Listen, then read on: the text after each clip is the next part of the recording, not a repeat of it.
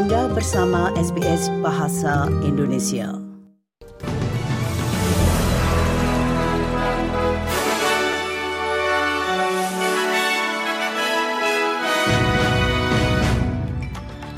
Warta berita SBS Audio untuk hari Rabu tanggal 2 Agustus.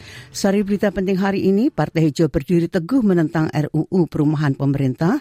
Pihak yang berwenang Amerika Serikat mendorong persidangan yang cepat setelah dakwaan ketiga Donald Trump dan Parlemen Victoria untuk menyelidiki pembatalan Commonwealth Games.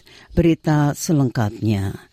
Partai Hijau menuduh Perdana Menteri dan pemerintah memainkan permainan politik dan tidak dapat mengakui bahwa Australia berada di tengah krisis perumahan.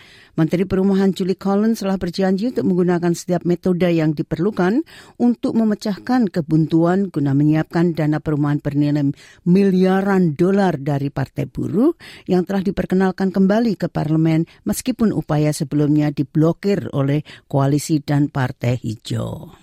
I want to be clear the Greens have bent over backwards to negotiate a plan with the government that would at least start to tackle the scale of the housing crisis. We halved our initial ask of $5 billion to $2.5 billion a year for public and affordable housing, and we want the federal government to finally take leadership. Otoritas Amerika Serikat mengatakan mereka akan mendorong persidangan cepat untuk Donald Trump setelah mantan presiden itu didakwa atas dugaan keterlibatannya dalam serangan Capitol pada bulan Januari 2021 ketiga kalinya dalam empat bulan dia didakwa secara pidana. Penasihat khusus Jack Smith mengatakan dia mengharapkan dan akan mencoba untuk mengamankan penuntutan cepat atas empat dakwaan dari apa yang digambarkannya sebagai upaya luas Trump untuk membatalkan pemilu 2020 dengan berkonspirasi untuk mencegah Kongres mengesahkan kemenangan Demokrat Joe Biden. Eric Tucker dari Associate Press mengatakan Trump akan diadili atas dakwaan minggu ini. He's going to be appearing before a judge, Tanya Chutkin, who has handled many cases involving January 6 rioters. She is known for being dan Amerika Serikat mengatakan posisinya terhadap Myanmar tetap tidak berubah, meskipun pengampunan sebagian diberikan kepada mantan pemimpin Aung San Suu Kyi yang dipenjara. Salah satu sumber diplomatik menggambarkan pengampunan itu sebagai langkah kosmetik yang memakan waktu enam tahun dari hukuman penjara 33 tahun Suu Kyi yang dia jalani sebagai tahanan rumah setelah dipindahkan dari penjara di ibu kota. Sementara itu Nigeria telah membuka kembali perbatasannya ke sejumlah negara menyusul penggulingan presiden negara yang terpilih secara demokratis Muhammad Bazoum pekan lalu.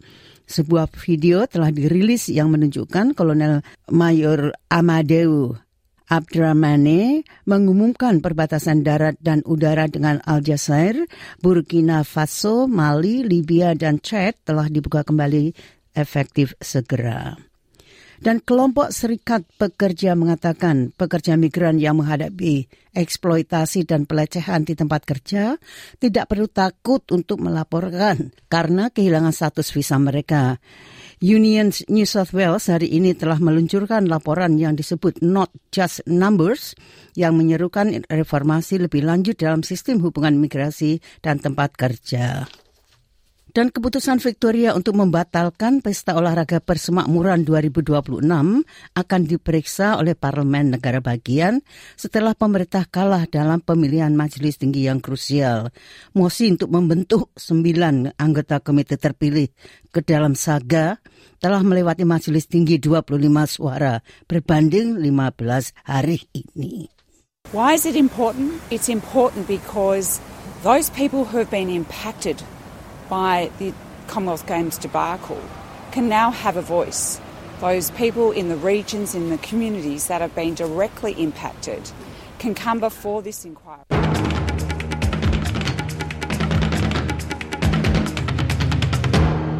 Sekali lagi, sari berita penting hari ini.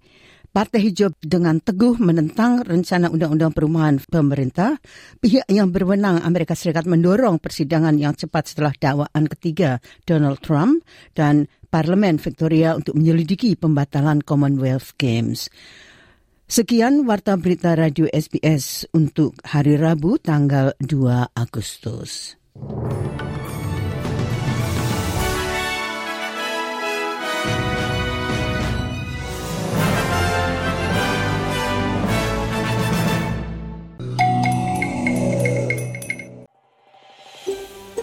Anda ingin mendengar cerita-cerita seperti ini? Dengarkan di Apple Podcast, Google Podcast, Spotify, atau di mana pun Anda mendapatkan podcast Anda.